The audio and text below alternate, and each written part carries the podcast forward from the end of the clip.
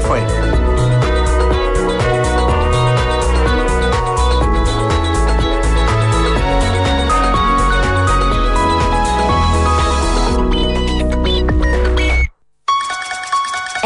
Tornat. Després de 30 anys estem novament aquí, amb vostès, amb vosaltres, amb Sèptimus.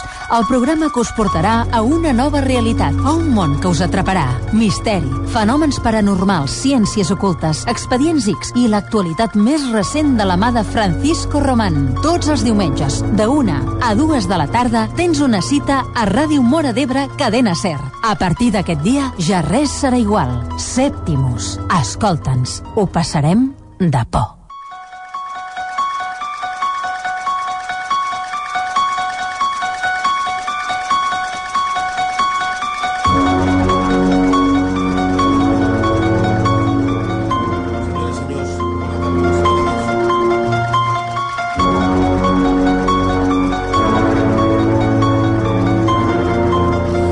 Senyores i senyors, bona tarda. Una setmana més amb tots vostès des d'aquí, des de la seva emissora amiga. Un programa Sèptimus que intenta donar-les a conèixer tots els temes més importants que han passat i es desenvolupen dins del món de les paraciències, dins del món de l'espiritualitat, dins del món de la medicina alternativa, dels expedients X i altres temes variats. Sense més preàmbuls, anem a començar. Esperem que passin un bon programa. Francisco Román, el que es parla, i el vostre company també, Eduard, el tècnic de so.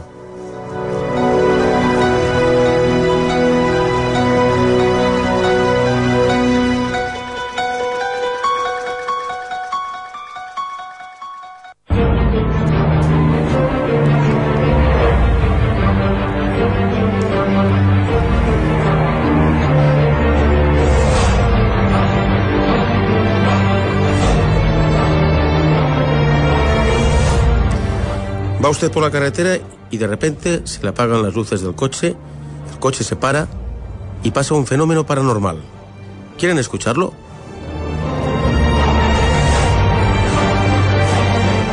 Peligro en la carretera. A lo largo y ancho de la Alcarria, el fenómeno más esquivo del misterio se ha prodigado en las últimas décadas de manera espectacular. Oleadas, inclusive los ovnis, han sobrevolado carreteras, perseguido vehículos o salido y entrado en pantanos. ¿No lo creen? Pues pasen, vengan y escuchen. La cosa viene de antiguo. En Guadalajara se había dado al menos un caso de los que hacen época y nunca mejor dicho. Lo recogió un investigador llamado Juan Ballester Olmos en el libro OVNIS, el fenómeno aterrizaje, a través del testimonio del gallego Óscar Rey Brea, el primer ufólogo español, quien habló con los protagonistas del siguiente encuentro ocurrido en la noche del 25 de julio de 1938 en plena guerra civil, en el frente de Guadalajara. Reza así. Un teniente acompañado de su asistente descendía esa noche por una vaguada cuando repentinamente se vieron deslumbrados por una potente luz blanca que se apagó cuando ellos intentaban separarse de ella.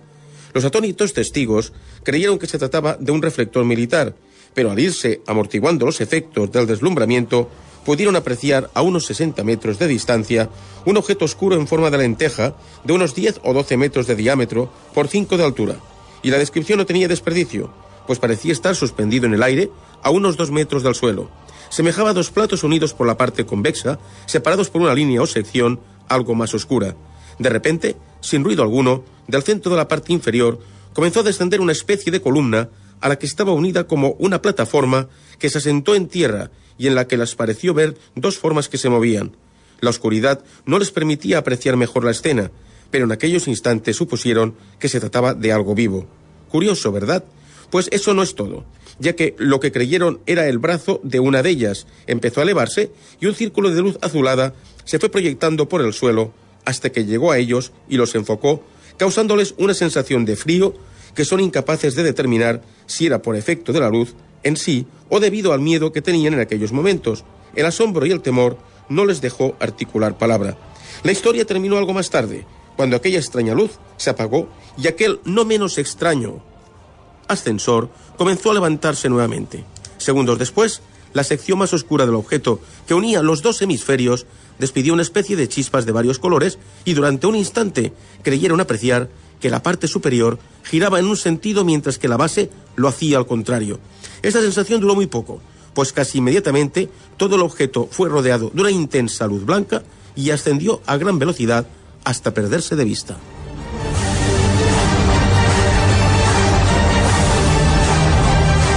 Según recoge el libro, los testigos supusieron que lo que habían visto debía de ser algún invento aeronáutico alemán o de los rojos. Esto ocurría mucho antes de que a través de los medios se viviera una auténtica psicosis ufológica, cuando el fenómeno se popularizó en los años 70 gracias al gran periodista JJ Benítez o al inolvidable doctor Fernando Jiménez del Oso. Precisamente a finales de esa década, Ángel Arroyo, investigador del fenómeno en la provincia de Guadalajara, recoge un pico de apariciones de objetos volantes no identificados que surcaban los cielos de dicha provincia. En general, se trataría de luces que acosaban a vehículos que circulaban de noche, atemorizando a sus ocupantes hasta que después y en un momento dado desaparecen, explica Arroyo. A través de informaciones de la prensa, así como de testigos que se han puesto en contacto con él para explicar lo que han visto, Ángel ha dividido la provincia en cuatro zonas, que suman una treintena de casos. La comarca de Molina, teniendo como eje la carretera nacional 211, en la que registra seis sucesos, Guadalajara capital, con siete, estaría en segundo lugar, y con mayor número de encuentros inexplicables, ocho, la zona por la que discurre la comarcal 101, y con once, el área de los pantanos de Entrepeñas y Buendía. Uno de los que más revuelo levantó en su día tuvo lugar en Cogolludo en la madrugada del 28 al 29 de agosto de 1977. Un suceso que se recogió gracias al testimonio de Juan José González, el cual vivió en primera persona lo siguiente. Estábamos en la plaza un grupo de amigos y uno se acercó a un callejón a orinar y volvió pegando gritos. Que habían visto una cosa. Yo salí rápidamente y lo que llegué a ver fue una bola grande y blanca tipo huevo elevándose en el cielo. Nos quedamos impresionados, nos contaba. Hasta la Guardia Civil se interesó por el suceso y una pareja quedó apostada toda la noche. Por lo que refiere Juan José, unas luces de colores se quedaron fijas en el cielo hasta la madrugada y no parecía que fueran normales, ya que a veces se movían, otras se quedaban quietas y cuando estaban en el cielo llegamos a distinguir varios colores rojo, verde y azul, decía. Las luces inquietaron y mucho a los agentes de la Benemérita, que explicaron a su brigada el miedo que habían pasado. En un momento dado, la luz hizo un movimiento con la supuesta intención de cambiar de sitio y finalmente desapareció. Las luces parece que se desvanecieron en dirección al Alto Rey, donde en aquella época había una base militar. Curiosamente, en muchos de los casos registrados de persecuciones de vehículos en la zona de la Comarcal 101, las luces amenazantes desaparecen en esa dirección, explica Ángel Arroyo. Otro caso singular tuvo lugar en Tórtola de Henares en diciembre de 1978 y le ocurrió al entonces alcalde Pedro Domínguez, que así lo relató ante la grabadora. Una mañana saliendo a trabajar a las seis, vi una luz encima de los montes. Esa luz fue avanzando hasta llegar a mi altura y durante unos cuatro kilómetros me fue enfocando. Era una luz que iluminaba todo el coche, muy blanca y con la cual no podía distinguir nada. Iba acobardado y lo que quería era salir a una carretera que tuviera más circulación. Cuando por fin lo hice, la luz se fue. Domínguez reconoce que lo pasó mal, máxime cuando llegó a su casa y al relatar lo sucedido a su mujer e hijos, estos no le hicieron mucho caso. A mí me pareció que desconfiaban un poco. Era como si dijeran mi padre ha perdido la cabeza. Entonces decidí no hablar más de estos temas. Según parece, este caso contaría con un segundo testigo, un compañero de trabajo de Pedro Domínguez, que salió un poco más tarde de su casa y que circulaba unos kilómetros por detrás en la misma carretera. Este testigo habría asegurado que unas bolas luminosas acosaban al coche que conducía Domínguez y así se lo contó después a los familiares del estupefacto protagonista del avistamiento. En esa zona hay más casos, como aquellas luces que en 1977 se avistaron sobre la zona de Tamajón con huellas de un posible aterrizaje, u otras que en 1979 intimidaron a un agricultor con su tractor en Junquera, sentencia Arroyo.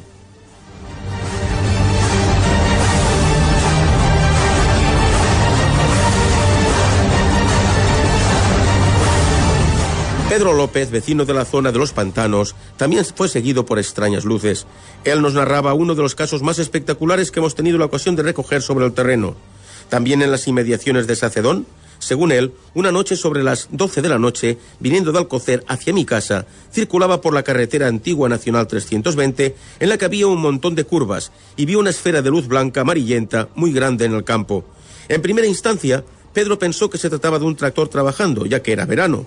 Iba mirando cuando vi que esa luz se elevó y empezó a hacerse más grande, hasta que se vino hacia mí. Pensé que era un helicóptero, pero se puso encima del coche y me extrañó que no hiciera ruido alguno. Entonces, con cierta sangre fría, paré para mirar y observé debajo de la luz como una especie de triángulo formado por tres luces, cada una en un vértice, verde, azul y malva. La verdad es que cogí un poco de miedo porque eso no era normal. Entonces, más rápido que un rayo, el objeto desapareció de la vista de Pedro en décimas de segundo hacia la presa de Buendía, nos contaba. Pero la cosa no quedó en un avistamiento aislado, sino que los encuentros con la extraña luz se repitieron durante un par de semanas. Lo vi dos o tres veces más, exactamente lo mismo en cosa de 15 o 20 días, y yo veía que me iba a accidentar con el coche. Creía que me mataba, pues había momentos en los que ya ni me fijaba en la carretera. Pensé que aquello me quería hacer algo, explicaba el testigo. Pero lo más espectacular estaba aún por llegar, ya que según Pedro, había veces que la luz se ponía delante de mí, haciendo las curvas de la carretera que yo hacía segundos después. Es decir, aquel objeto se adelantaba a los movimientos de nuestro protagonista. Un rayo era lento comparado con aquello que siempre salía disparado hacia la presa de Buendía, nos contaba excitado Pedro. Este, asustado, lo comentó en casa y con algunos amigos, pero tampoco le dio demasiada difusión. Al poco tiempo apareció en la prensa una noticia bajo el titular Misterios de ovnis en la zona del pantano de Entrepeñas y la presa de Buendía. Entonces se confirmaron sus sospechas, las que aún mantiene, ya que para él, aún hoy, aquello no era de este mundo.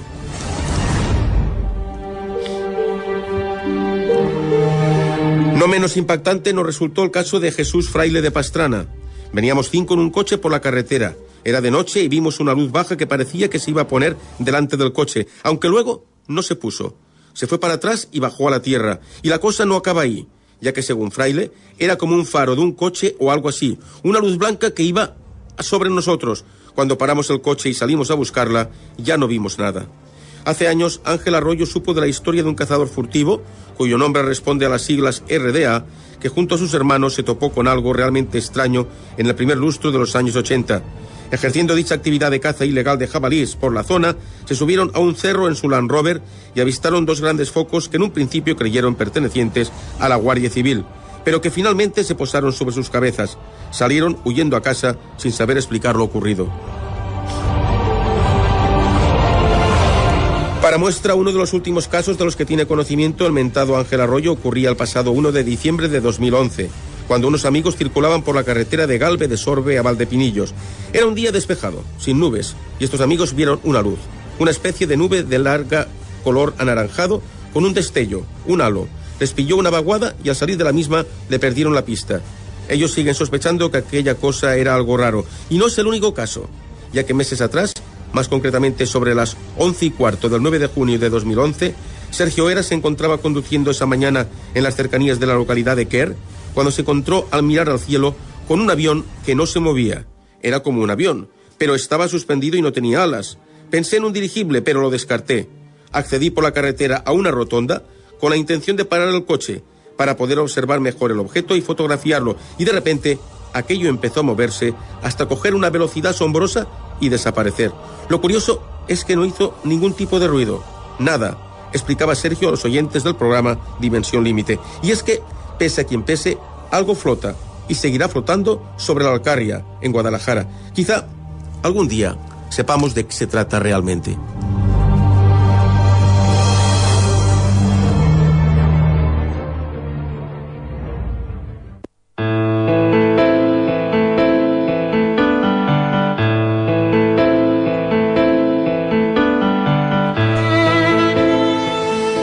El nostre tema espiritual d'avui parla de la existencia de Déu, si es un fet. Existen muchas maneras de enriquecerse. Una de ellas es hacer algo en favor de la espiritualidad, pero hacerse millonario intentando demostrar la existencia de Dios, eso es un milagro. La Fundación Templeton otorga cada año un premio de un millón de dólares a una persona que haya realizado contribuciones importantes para el progreso de la religión. Y una de esas contribuciones es demostrar la existencia de Dios. En 2008, un cura y matemático polaco se embolsó el premio académico mejor dotado del mundo por un estudio que supuestamente muestra cómo las matemáticas pueden ofrecer pruebas indirectas de la existencia de Dios más allá del espacio-tiempo. El religioso fue el profesor Michael Heller, de 72 años. Cada cierto tiempo aparece en nuestro mundo un científico o un iluminado, o las dos cosas, con propuestas en este sentido. Y no es algo nuevo. La llamada apuesta de Pascal ya expuso en el siglo XVII que si Dios no existe, uno no pierde nada creyendo en él, mientras que si existe, uno lo pierde todo no creyendo. El argumento plantea que aunque no se conoce si Dios existe, lo racional es apostar que sí, por si acaso, porque siempre hay ganancias. ¿Sabían que desde el siglo XVIII ya hay una fórmula matemática para demostrar la existencia de Dios? Fue un siglo prolífico en teorías de todo tipo y Dios siempre estaba presente en las papeletas teológicas, filosóficas y matemáticas, tanto a favor como en contra. El filósofo Leibniz no fue ajeno a esa polémica y una vez escribió, Cuando Dios calcula y piensa a través de las cosas, el mundo es creado. George Smith se encargó de refutar el argumento de Pascal con la apuesta de Smith. Con estos caracteres. Primero, Dios no existe. En este caso, los ateos estarían en lo correcto. Por lo tanto, serían los creyentes los que habrían perdido gran parte de sus vidas y de sus esfuerzos en agradar a un ser inexistente. Segundo, Dios es un ser impersonal. Dios creó el universo y luego lo dejó a su suerte, sin intervenir en él. En este caso, ni el ateo ni el creyente tienen razones para preocuparse, pues este Dios ni premia ni castiga. En este caso, los creyentes habrían perdido gran parte de su esfuerzo vital en adorar a un Dios que no les escucha ni les presta atención alguna. Tercero, Dios existe y es un ser moralmente elevado. En este caso no podría castigar a ningún ser humano que cometiera errores de conciencia honestos. Si la razón es la que hace llegar a la conclusión al hombre que Dios no existe, éste no debería tomar represalias contra él. Y por último, en cuarto lugar, el Dios de los cristianos es el correcto, con su actuación moral y éticamente reprobable, que castiga a todo aquel que se atreve a dudar de él, aunque esta duda esté basada en la lógica y la razón. La mayoría, según Smith, lo hacen por la apuesta segura, por temor al infierno o por simplemente herencia cultural. Se sabe que siete son los grandes problemas del milenio que fueron escogidos por el Instituto Clay de Matemáticas en Cambridge, el cual ha ofrecido un millón de dólares a quien por lo menos pudiera resolver una de estas grandes incógnitas. Y Gregory Perman, mente privilegiada, lo hizo. Este individuo ha dicho que está trabajando para demostrar matemáticamente la existencia de Dios, lo cual lo tiene absorto entre las paredes de su casa. De hecho, tiene su vivienda decorada con crucifijos junto a un rosario que no abandona nunca. Si lo demuestra y lo publica en Internet, como hizo con la conjetura de Poincaré, un problema matemático que llevaba 109 años sin resolverse, un problema menos para este milenio, aunque ya les adelanto que ni con esas. Ciencia y creencia, el viejo dilema, William Daniel Phillips, físico estadounidense y ganador del Nobel de Física en 1997, ha declarado más de una vez su creencia en Dios. Otros grandes científicos, sin embargo, son ateos. Ambas conclusiones son posiciones de fe que se pueden conjugar en esa famosa e ingeniosa frase que dijo Buñuel. Soy ateo, gracias a Dios. Todos sí, todos, tontos y listos, se han preguntado alguna vez esta cuestión. No lo nieguen. Hasta Body Allen arremetió con esta pregunta en su libro Sin plumas. ¿Y cómo puedo creer en Dios si la semana pasada me pillé la lengua en el rodillo de una máquina de escribir eléctrica? Me siento atormentado por las dudas. ¿Y si todo es una ilusión y nada existe? En tal caso he pagado demasiado por la alfombra. Si al menos Dios me enviase una señal clara. ¿Cómo hacer una cuantiosa imposición a mi nombre en un banco suizo? Kurt Gödel no es Body Allen, aunque se planteó una pregunta parecida a él. Gödel, uno de los más importantes matemáticos del siglo XX, es reconocido y recordado por sus dos teoremas de incompletitud. En 1970 distribuyó entre sus colegas un texto en el que, mediante argumentaciones lógico-matemáticas, probó la existencia de Dios. Gödel basaba su argumento en las reflexiones de San Anselmo, que define a Dios como el ser más grande en el universo.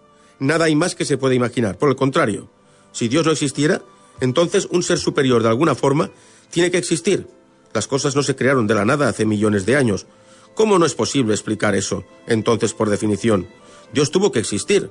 Solo que no es el Dios que tenemos en mente, sino la energía pura que nos rodea. Dicho en su teorema 3, existe necesariamente alguna X tal que X es semejante a Dios. Inaudito. Frank Tipler, profesor de la Universidad de Tulane, Nueva Orleans, autor de la física de la inmortalidad, cree que si Dios existe tendrá que ser un físico quien lo descubra. Sostiene haber demostrado en su libro que lo que la física nos dice es que definitivamente Dios existe y que un día nos resucitará a todos para vivir eternamente. Propone la teoría del punto omega, que dice que al final de los tiempos, dentro de mil millones de años, Dios o el punto omega surgirá y conseguirá resucitar copias virtuales de todos los seres que han existido en el planeta. Matemática pura unida a teología y ciencia ficción. una mezcla explosiva.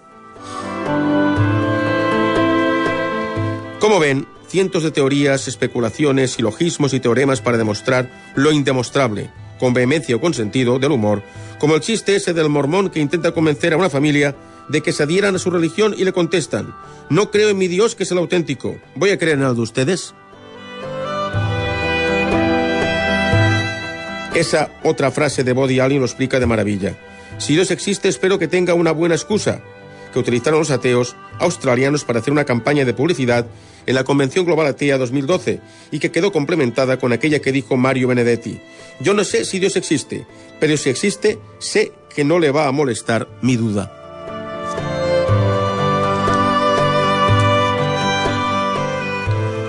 Así que estamos igual que al principio. Tanta prueba, o más bien tanta ausencia de prueba, han llevado a la teoría del Dios de los huecos o los vacíos.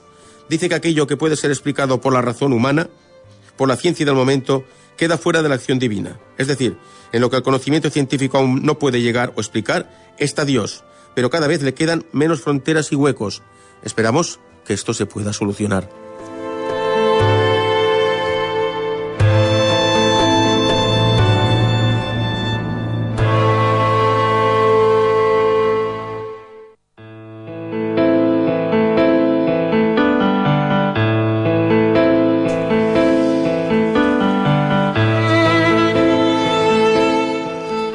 Bé, com ja saben vostès, la setmana passada vam començar amb les entrevistes a diferents eh, persones enteses en els diferents temes que tractem en el nostre programa.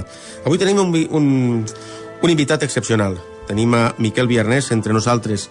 Bona tarda, Miquel. Hola, bona tarda, Francesco. Bueno, eh, el motiu de que estés aquí és de que ens parlis una mica de, de lo que és la, la teva experiència dins d'aquest món i després de que ens faiguis una exposició acurada de lo que serà també la mostra de remeis naturals que està a punt de celebrar-se a la població de Tivissa aquí a la Ribera d'Ebre. Si et sembla, comencem amb les diverses preguntes que et volem fer. En primer lloc, a veure, eh, Miquel, eh, creus en els fenòmens paranormals? Bueno, és indudable que sí, no hi ha persona que no pugui creure en els fenòmens paranormals. Altra cosa és que s'entenguin, però creure-hi s'ha de creure. El sol fet de que eh, perquè hi hagi el dia hi ha d'haver nit, o perquè hi hagi nit hi ha d'haver el dia, és a dir, claror o foscor, doncs això ja és un fet paranormal. Ara, com dic, hi ha qui el pot entendre i que no, com la llei de la gravetat i tantes altres lleis eh, naturals, lleis universals que existeixen.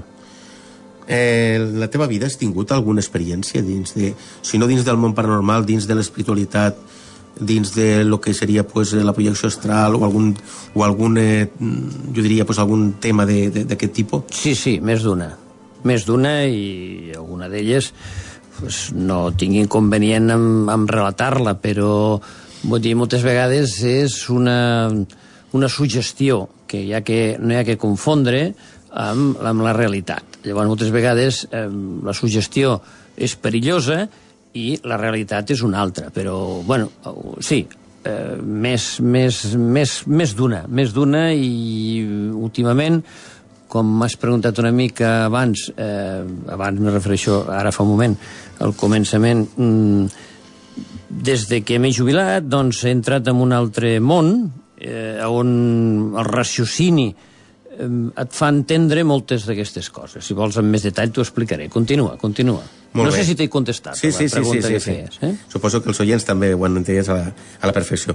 Eh, la teva afició, els teus estudis dintre d'aquest món que, que, que estàs immers ja i que, que bueno, pues, eh, es veu que estàs entusiasmat, des de quan, tot això? Bé, explico que jo era un escèptic d'això, però passa una mica com els fenòmens que comentes tu. Era escèptic als remeis naturals fins a l'any 82 aproximadament, on per les circumstàncies de la vida són cicles i canvis que, que succeeixen vibracionals en les persones i que vaig tindre un problema familiar amb la meva dona i ho vam solucionar a través de la medicina natural quan eh, a priori doncs, semblava ser una complicació d'aquestes que no saps ben bé on anirà a parar ni com i allò va ser com un, com un, una nova etapa, és a dir, com un principi d'un nou segle.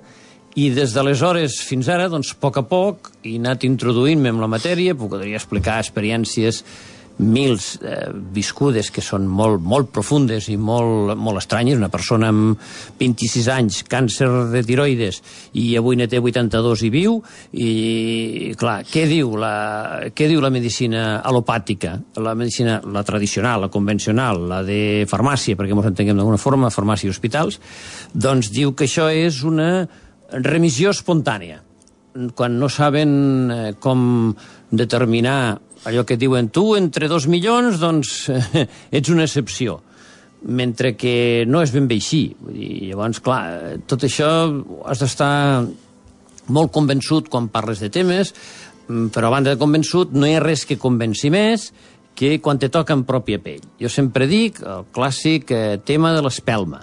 Tu encens una espelma i dius amunt que posi el dit. Crema, sí senyor, però quan el poses tu, crema molt més. Molt bé, molt bé, molt bé. Tens tota la raó. Eh, sabem nosaltres de que te mous molt, eh, estàs fent molts quilòmetres i estàs donant conferències, xerrades, eh, participes en convencions. Quines són les teves últimes intervencions? Bueno, la més propera és eh, el mes passat, el Cort Inglès, és una sala que sempre té una audiència bastant important, unes 100 persones, que crec que és un, una audiència de... bueno, dic audiència jo perquè jo considero molt que és millor la qualitat que la quantitat. En un lloc determinat hi ha persones que fan amb un pavelló i allí col·loquen 2.000 persones. 2.000 persones amb segons quin tema parles, el 80% d'aquestes persones, llei de Pareto, 80-20, que això ja t'ho explicaré si vols en un altre moment, pues, eh, no, no, ni se n'enteren. És una mica com el que parlaves tu una mica abans. Vull dir, amb algú de lo que has explicat ara dels fenòmens paranormals, dius, bueno, sí, aquest, aquest noi s'explica molt bé, explica coses, però no, no, no, no, no, no acaben d'interpretar el que és. Per tant, a mi m'interessa més, tornant una mica al fil conductor que, de la pregunta que em fas, és la qualitat. Algú que se sensibilitzi, que sàpigui del que estàs parlant i que li puguis fer una aportació. Moltes vegades jo, com dius, a les meves conferències explico, doncs, amb alguns de les vegades, inclús 30, 40 i hasta inclús més remeis naturals. Però al començament, una mica el que jo dic és que senzillament només que ne deprenguis, n'assimilis i n'adaptis un, ja és suficient, perquè les coses a la vida es fan d'una en una. Ningú puja als graons de les escales de 5 en 5. Primer puges un, després un altre i un altre i arribaries a estar al pis que volguessis si tens perseverància, si tens constància i si vols. Llavors vas solucionant. Doncs amb, amb aquests remeis passa una mica el mateix. Assimilar-ne un, entendre'l profundament, veure com funciona i si, i si, eh, si, don, si, si optes per aquesta solució, doncs després un altre i un altre. Però aquell ja el tens assimilat. I ja, ja difícilment se te'n va de la ment. I llavors que vingui algú i et convenci et digui que no funciona allò. Perquè, clar, te'l menjaries. No? Tu creus que, que les persones, eh, algunes persones tenen poders sobrenaturals? Sí, rotundament sí. Rotundament. Abans, això ha existit tota la vida, alguns eh, els hi diuen curanderos, uns altres els hi diuen xamans, uns altres els hi diuen...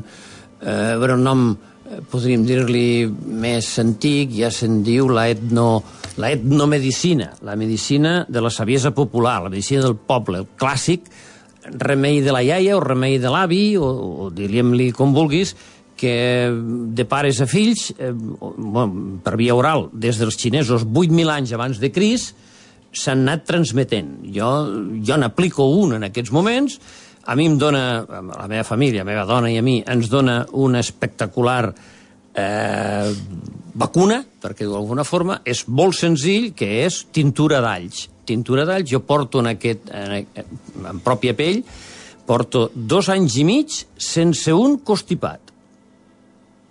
I un constipat és tan senzill... Bueno, cal dir que jo sóc perjudicat eh, de, de sistema bronquial i pulmonar, per tant, no hi havia any, de dos anys i mig enrere, que no tingués eh, mínim dos constipats a l'any, allò que I com comença. fas? I com t'ho fas? Pues aplicant el remei de la tintura aquesta, que és un, un, un, un remei que mm, vaig capturar d'una publicació que venia, ve dels maies, però que a la vegada Aquests l'havien, com moltes de les coses que han fet els maies, venia dels ancestrals egipcis, o, o, o, o viceversa, o, perdó, els egipcis ho van copiar dels maies, perquè és, és una generació posterior, i inclús eh, es parla de que tota l'ètnia gitana és una de les coses que aplica. Ètnia gitana, parlo amb tots els respectes del món, perquè hi ha ètnia gitana amb, amb, amb potència, que circula per tota Europa especialment, doncs, i que l'apliquen. I ja sabem que la, la salut d'un gitano, per dir-ho d'alguna forma, és, és irrefutable. Estan sants com a, com a lladres. Però, bueno, la, la, la tintura és... Jo, si vols, l'explico, vull dir, no hi ha cap problema. Vull dir, s'agafa eh, s'agafa una, una cabeça d'alls, es, es matxaca, o sigui, es, es trenca, es, es s'aixafa, per dir-ho manera, eh, i es posa el, el contingut d'una cabeça d'alls es posa amb el contingut de 20 centílitres d'alcohol, de, eh, alcohol etílic, és a dir, alcohol del que pots beure. Això ho has de posar dins d'un pot, d'un pot de vidre, eh, lògicament net, o a poder ser per estrenar, i ho has de tindre enterrat eh, durant 40 dies.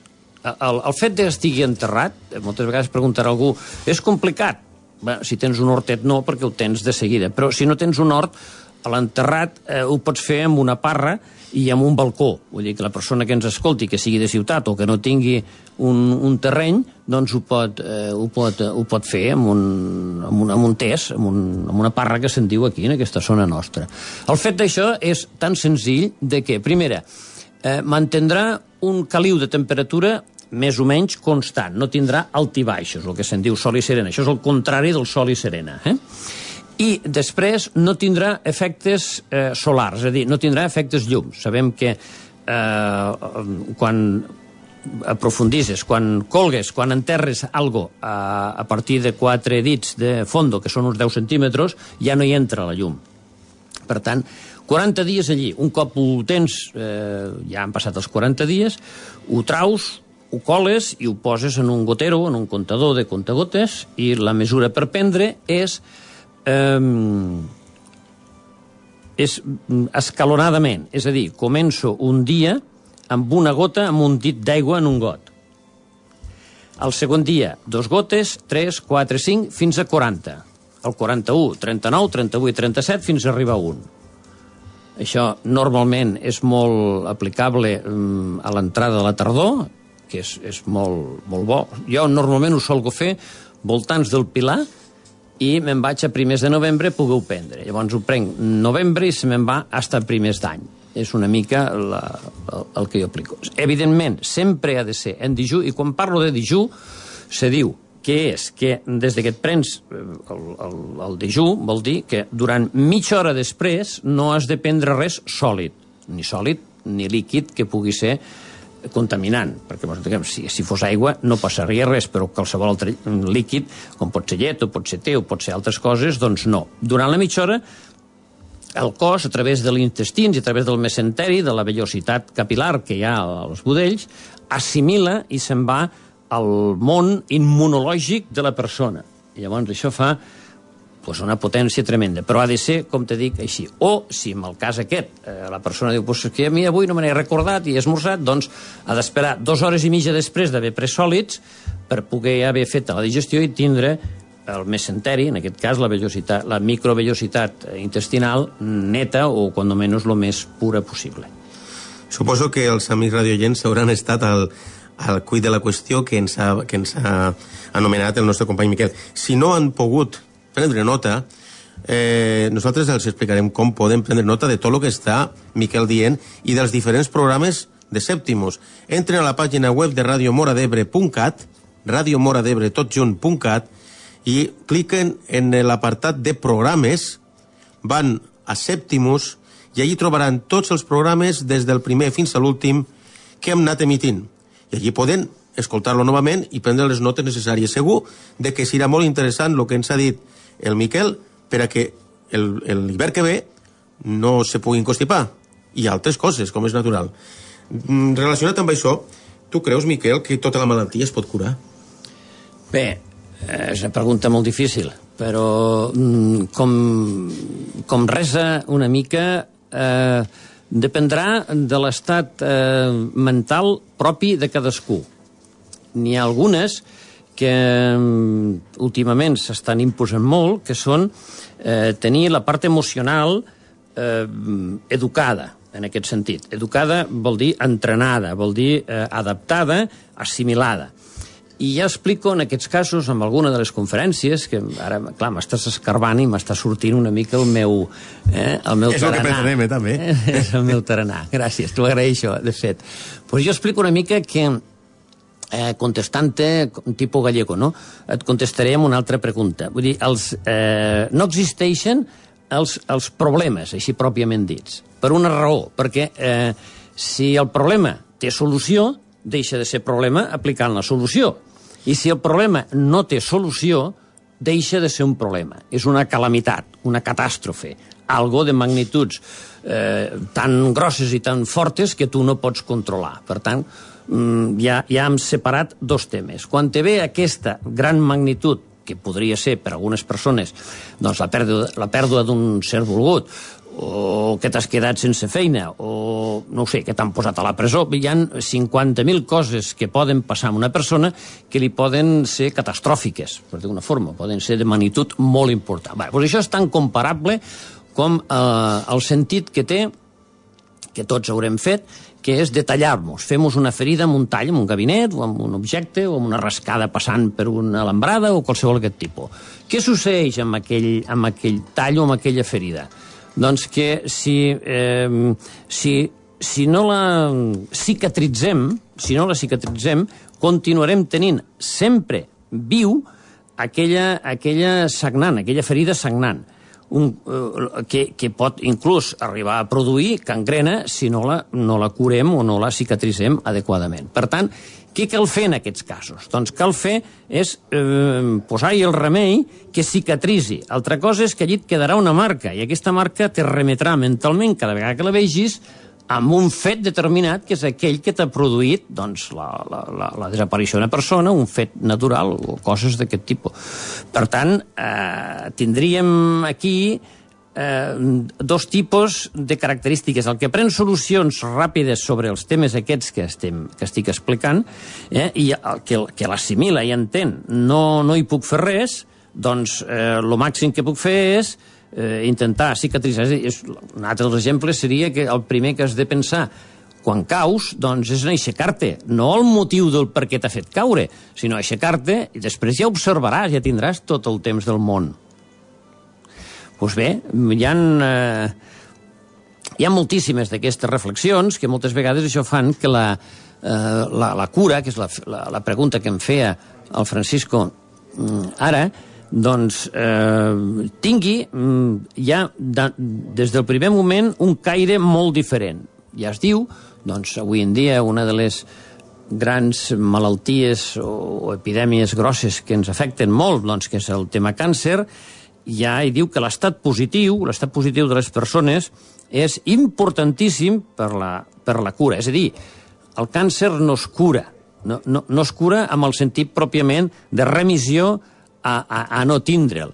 Altra cosa és que ja és eh, de cura el poder paralitzar, paralitzar, estabilitzar i que no et dongui més problemes en un futur. Això, això és el que en realitat eh, està confós una mica amb la cura. O sigui, eh, per, què és... Eh, quina és la, la medicina que cura, que és una mica la pregunta que em volies fer? Doncs primer la persona. Primer que res és la part mental, vibracional que té la persona. L'estat positiu, com deia, és molt important i després eh, estem tan senzills que molta gent desconeix que, per exemple, si, eh, si caminem per una zona despoblada, és a dir, desèrtica, estarem carregats d'energia eh, positiva, o sigui, en caire positiu. Per tant, eh, el cos el que necessita és tindre energia negativa al cos, que és la que transmet. És igual, un fil conductor elèctric el que es transmet, els, elect els electrons que es transmeten a través d'ell, sempre és a través del, del negatiu. Per tant, hauríem d'estar carregats d'energia negativa. Com se carrega energia negativa? Doncs si sortim d'un desert a la que trobem desert, o aquestes zones nostres, doncs podríem dir-li aquestes zones despoblades, ermes, fora de, sense encervolat. Aquí, en aquesta zona, potser no n'hi ha encara, però proper nostre, que piqui l'Aragó, els Monegros i tot això, n'hi ha i són zones. I jo, per experiència, puc explicar persones que fan camí per aquella zona, em diuen, i és que me trobo, me trobo molt, però molt més pesat que en d'altres altres zones. Sí, és lògic, per lo que t'estic dient, perquè les persones, moltes vegades, és tan senzill com apropar i abraçar, abraçar o tocar, o estar senzillament recolzat davall d'un arbre, estem carregant energia negativa, o sigui, els electrons negatius sobre el nostre cos, que ens transforma en el sentit que s'entén de les persones en, en, positiu, en positiu de fer les coses, però l'energia és negativa. No sé si he explicat una mica... Els nostres oients estaran sorpresos i estaran encantats perquè s'estàs fent una miniconferència de les teves, si t'està donant compte. Eh, realment, de veritat, molt, molt interessant. Estem supercontents de que estiguis aquí amb nosaltres. Hi ha una, sí, hi ha una pregunta eh, dintre de l'entrevista que, que és necessària, que és què aconsellaries a algú de, alguna persona que ens està escoltant o que no s'està escoltant i que vulgui introduir-se en els remeis naturals o medicina alternativa? Si no ens està costant, si no ens està escoltant, és el pitjor que pot fer. Tu, eh, el que tu vols dir és que ens estiguis sentint, i perdona la correcció Escoltar és important. Escoltar és eh, entendre, és una mica el que intentava jo dir abans. Eh? Entendre allò que es vol transmetre. Això és escoltar. L'altre és sentir. Són excepcions. Quan sonen... Sí. Poden ser sinònims, però bueno, Mal. és a dir... Però bé, eh, estem, estem d'acord. A veure, jo el que li diria és, primer que res, que aquest prejudicis que hi han moltes vegades de, de això sí, això no, doncs són molt lleugers. Aleshores, vull dir, que aprofundissi una mica, passa igual com amb molts temes, doncs quan un no, no pot saber temes jurídics, o no pot saber temes religiosos, no pot saber... Doncs, què necessita saber? Doncs assessorar-se, preguntar, llegir, instruir-se, mirar, comparar, preguntar, hi ha moltes maneres. La, la meva, el meu consell, en aquest sentit, eh, que tu em preguntes, és, jo diria, que s'informi una mica més profundament. Hi ha avui en dia mm, medicines alternatives de magnitud mm, tant o més importants que les, que, més ben dit, algunes inclús arriben a curar bé. Però bé, eh, en una de les conferències, com tu dius, parlo una que es diu els eh, òrgans filtre, òrgans nodals i òrgans filtre, se par parlo, parlo bastant a fons una mica d'aquesta matèria i, clar, mm, explicat això en, en, en dos minuts o cinc o set, doncs és una mica complicat. S'ha d'argumentar, que és una mica que t'explico, les persones... Jo consello que vagin a les teves conferències, a escoltar-te. Ah, bueno, sí. No? Les bueno, que sí, abans m'has fet la pregunta aquesta, jo t'he dit una, la més recent al Corte Inglés, però a la zona de Lleida, per exemple, tinc dos sales que són també molt, molt, molt agradables i que una es diu Res non verba, que és una, una associació que m'agrada molt. Res non verba vol dir en, eh, en llatí, doncs, hechos i no palabras, que això és, ja és molt important. I bé, hi ha una altra que es diu Llum, que aquesta també és molt bona i aquesta assisteix molta gent, i llavors el bo que té és que mm, després s'estableix un col·loqui que moltes vegades la gent és molt més enriquidor que la pròpia conferència. Però bueno, t'he tallat fent una miqueteta no. la, el I ara, ara per acabar, sí. ens agradaria de que els oients puguin sentir el que es farà en la mostra de remis naturals, la primera mostra comarcal de remis naturals, que es fa el cap de setmana vinent a Tivissa i que tu ets el ànima organitzadora. Pues sí, sí, de fet, eh, així, així va sortir, no? Jo sabeu que faig un programa tots els dijous a les 12 a Ràdio Tivissa, que parla de remeis naturals, cada dia toco un tema diferent, eh, que abans el fèiem aquí a la Ràdio Mora, però per les raons organitzatives doncs se va deixar de fer i que jo entenc perfectament i que no hi ha cap problema. Eh, la, com me deies, Francisco, doncs te diré, a veure, seran dos dies, dissabte i diumenge. Eh, hi haurà eh, moltes activitats, hi haurà xerrades molt il·lustratives. Ne diré alguna, així, de les, per a que la gent pugui tindre una mica de, de més comprensió. El dissabte, a les 12 i mitja, hi haurà una xerrada de mitja hora de reflexologia podal, a càrrec d'Isidre Fontaner, un terapeuta que tracta molt bé el tema. Després hi haurà una altra a les 5 de la tarda que diu del caos del Caliyuma a la felicitat de l'edat dorada, a càrrec de Luis Vallejo. És una persona molt experimentada en matèries una mica semblants a les que explicaves tu. Després, a les 7 de la tarda del dissabte, Mm, Jo pròpiament faré una que es diu Remeis Naturals, que és la més elemental, la més bàsica, que explica una mica uns quants dels remeis molt naturals.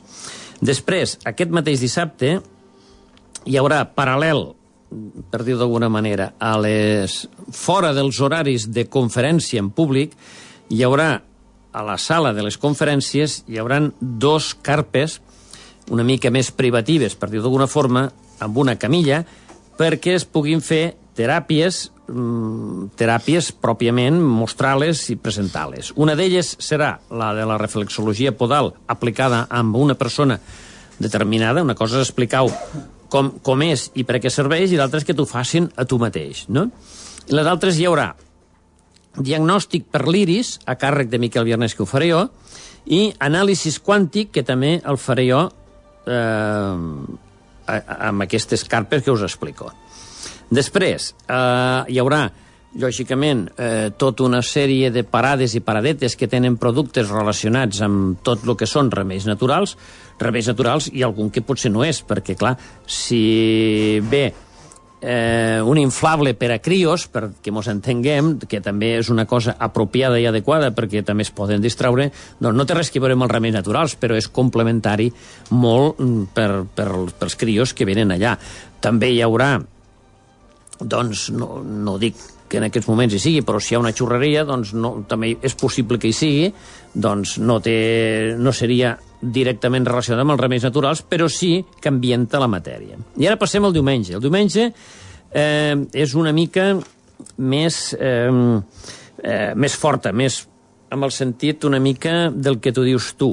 Ratlla una mica lo natural i una mica si no l'esotèric, doncs les paranormals aquestes que parlaves abans. Hi haurà... Ciències, paraciències. Paraciències. Bueno, jo... Fenòmens paranormals o paraciències, sí. Bueno, doncs entraria dins d'aquest àmbit, no? Eh, hi haurà una, una persona que és mèdium i que aplica la clarividència, és bona, és una, es diu Montse, és una noia molt bona. Hi haurà també una roda de Reiki amb els terapeutes, per dir una forma, es farà una roda on hi haurà un reikista, una persona que és terapeuta de reiki, i una que no, per a fer la, la compensació una amb l'altra, tantes persones com vulguin, aparellades així, i es farà. És un ritu, eh, per dir d'alguna manera, doncs, molt, molt propi seu, i que mm, sol agradar molt. Després també hi haurà les horaris aquestes entremig de les xerrades del mateix, a- afegint-hi una que hi, ha, hi haurà un taller xamànic, ve un xaman, que es diu Xevi Guitar, i que, i que és molt bo. Aquest, aquest fa lectures de l'aura i les fa molt, molt, molt adequades i molt certeres.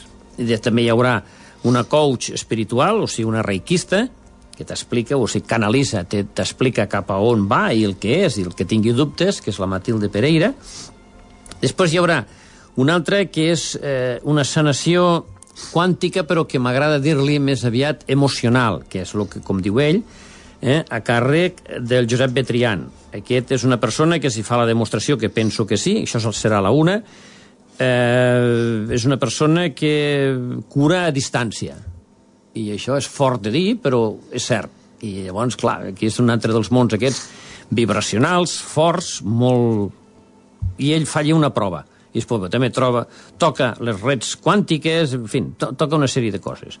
Hi haurà una altra que parla dels tòxics a la cuina i al menjar, a càrrec de Joan Carles López, que és d'una empresa de, analista de, de, de, de, de, gigahertz, i n'hi haurà una altra que parla de l'art emocional, que aquesta estic pendent de, de concretar-la, però que ja m'ha donat que sí, però de compte que aquesta serà a les 7 del diumenge. I ja, ja veieu que matèria n'hi ha, la tira, a banda de que tinc confirmades en aquest moment pues, per damunt de 50 parades, parades amb el sentit de que un mostrarà doncs, des de sabons, a essències, a, en fi, embotits fets artesans, doncs, aiguardents, hi ha tota una sèrie de complements diferents, però que tenen molt a veure amb els remeis naturals. Però, bueno, el bo és, com dic, les conferències després que veiguis in situ que ja no és el mateix comprar un sabó, per dir d'alguna forma, amb, amb sofre per la pell, perquè és una de les coses que porta, que cura els que tenen psoriasis, bueno, clar, ja s'ha d'explicar, és una mica com t'explicava abans, una mica més profund el per què de les coses. No? Realment és impressionant eh, el que has pogut muntar per, a, per aquest cap de setmana que ens espera la setmana que ve. El dia 15 i 16 de juny no faltin a la població de Tivissa. Invitem a tots els radioients invitem el, a tots els radioients i sobretot el lloc, el recinte del càmping Albert de Tivissa, al costat de la carretera, eh, que va de Mora a Hospitalet. Allí ens trobarem el dissabte a partir de les 10 perquè compta que nosaltres hi serem eh, Sèptimus, el programa Sèptimus, eh, jo en particular, i tots els que montem el, aquest, aquest event en la ràdio, pues, eh, que contis i que estarem allà al teu costat. Eh, moltes gràcies. Us agraeixo moltes molt. Moltes gràcies per, per estar aquí entre nosaltres. escoltat. Aprofito també per dir-los de que aquesta mostra, primera mostra comarcal de remis naturals que es farà a Tivissa serà el punt de partida per una setmana realment impressionant dins del món de la medicina alternativa, dins del món de les paraciències, dins del món de l'espiritualisme. Eh, ens acaben de comunicar fa un moment de que teniu l'autorització per utilitzar eh, un, una instal·lació realment important per fer un evento de gran categoria també. A veure, eh, els explico. El dia 21 tindrem a Morra la Nova, ja està confirmat, a Morra la Nova, a la muntanya de Sant Pau la primera alerta ovni de les Terres de l'Ebre, a les 12 de la nit. Primera alerta ovni de les Terres de l'Ebre, a les 12 de la nit, a la muntanya de Sant Pau de Mora la Nova. En el pròxim programa, en el proper programa, els mantindrem informats i els direm detalladament tot el que concerneix aquest gran evento. Però no acaba així la cosa. És a dir, no acaba aquí. El dissabte, dia 22 de juny, eh, primer, primera convenció, primera convenció de paraciències, espiritualitat i medicina alternativa de les Terres de l'Ebre. Fixen, eh, fixen vostès quina setmana s'espera.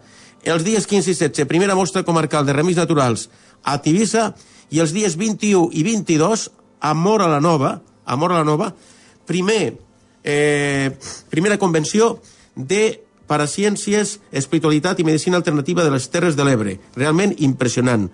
En aquesta, en aquesta primera convenció hi haurà, eh, seran 3 hores al matí i 3 hores de la tarda a els millors especialistes amb els temes de, que estem tractant aquí al programa i que ja d'antubi ja contem ja contem amb un invitat d'honor que serà Miquel, espero que ens acompanyis. Sí, sí, podeu comptar amb mi.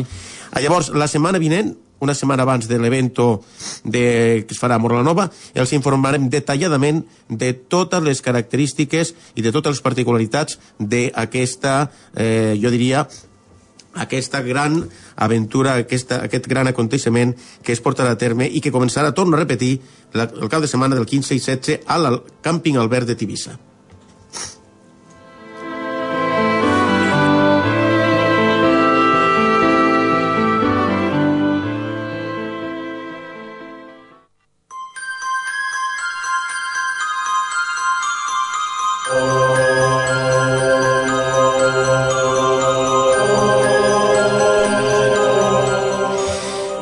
Veces pasear por un bosque se puede convertir en una verdadera pesadilla.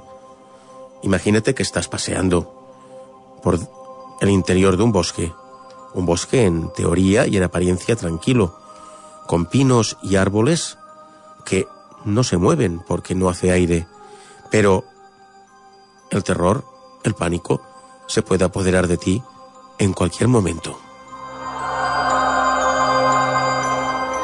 Has entrado en ese bosque, un bosque en apariencia tranquilo, porque el día es tranquilo, pero el día puede cambiar, como puede cambiar también tu manera, tu peculiar forma de ser, tu estado de ánimo. Al momento, el cielo es tapado por una nube, una densa nube oscura, y comienza a llover.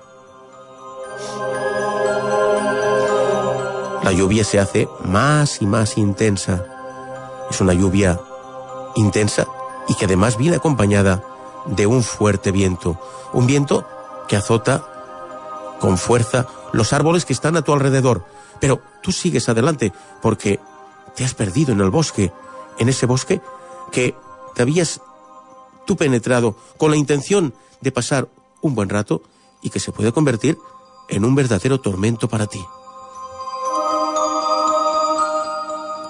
Sigues andando. El viento huracanado sigue con fuerza. La oscuridad se ha hecho patente. ¿Cómo puede ser? Eran las seis de la tarde. Estamos en verano, pero Tú ya no piensas que estás en verano, piensas que estás en medio de un bosque, en medio de la nada, no tienes salida y incluso piensas que no tienes esperanza porque la lluvia se hace cada vez más y más fuerte y al momento una intensa niebla comienza a aparecer. Comienzas a correr. Corres intentando buscar una salida. El camino prácticamente ha desaparecido. Pasas por un árbol, por el otro, caes al suelo. De repente, algo se acerca hacia ti. Estás en el suelo, no puedes levantarte, has quedado aprisionado. Un tronco, un pequeño tronco ha caído encima y te ha aplastado un poco tu pierna, pero no puedes levantar ese tronco porque pesa demasiado y algo o alguien se acerca hacia ti porque oyes ese jadeo de esa pesadilla, de esa cosa que puede llegar en cualquier momento, pero no desfallezcas porque puede ser el final. Tu salvación puede llegar. Pero, ¿de verdad estás atemorizado? Sí, estás atemorizado porque no tienes salida o piensas que no tienes salida. Al momento, la cosa o lo que quiera ser está delante tuyo. La miras atentamente, pero la salvación ha llegado. Un tronco, un árbol, uno de los pinos cae encima de esa cosa, aplastándola. Por un momento te has liberado. Piensas de que ha llegado esa salvación y de que has vuelto a nacer. Gràcies, bona tarda i fins la setmana que ve.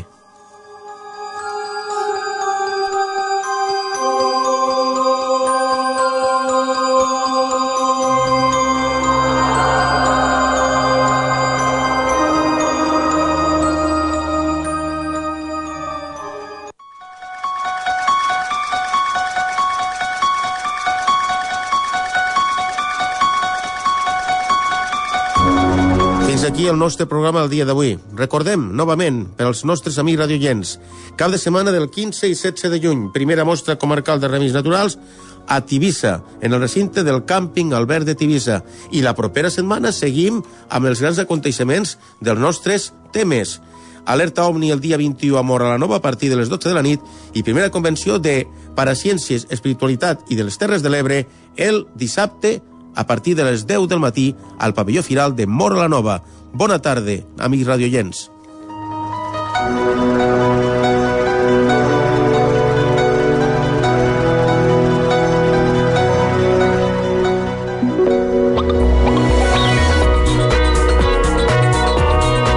Ràdio Mora d'Ebre, 87.6 FM.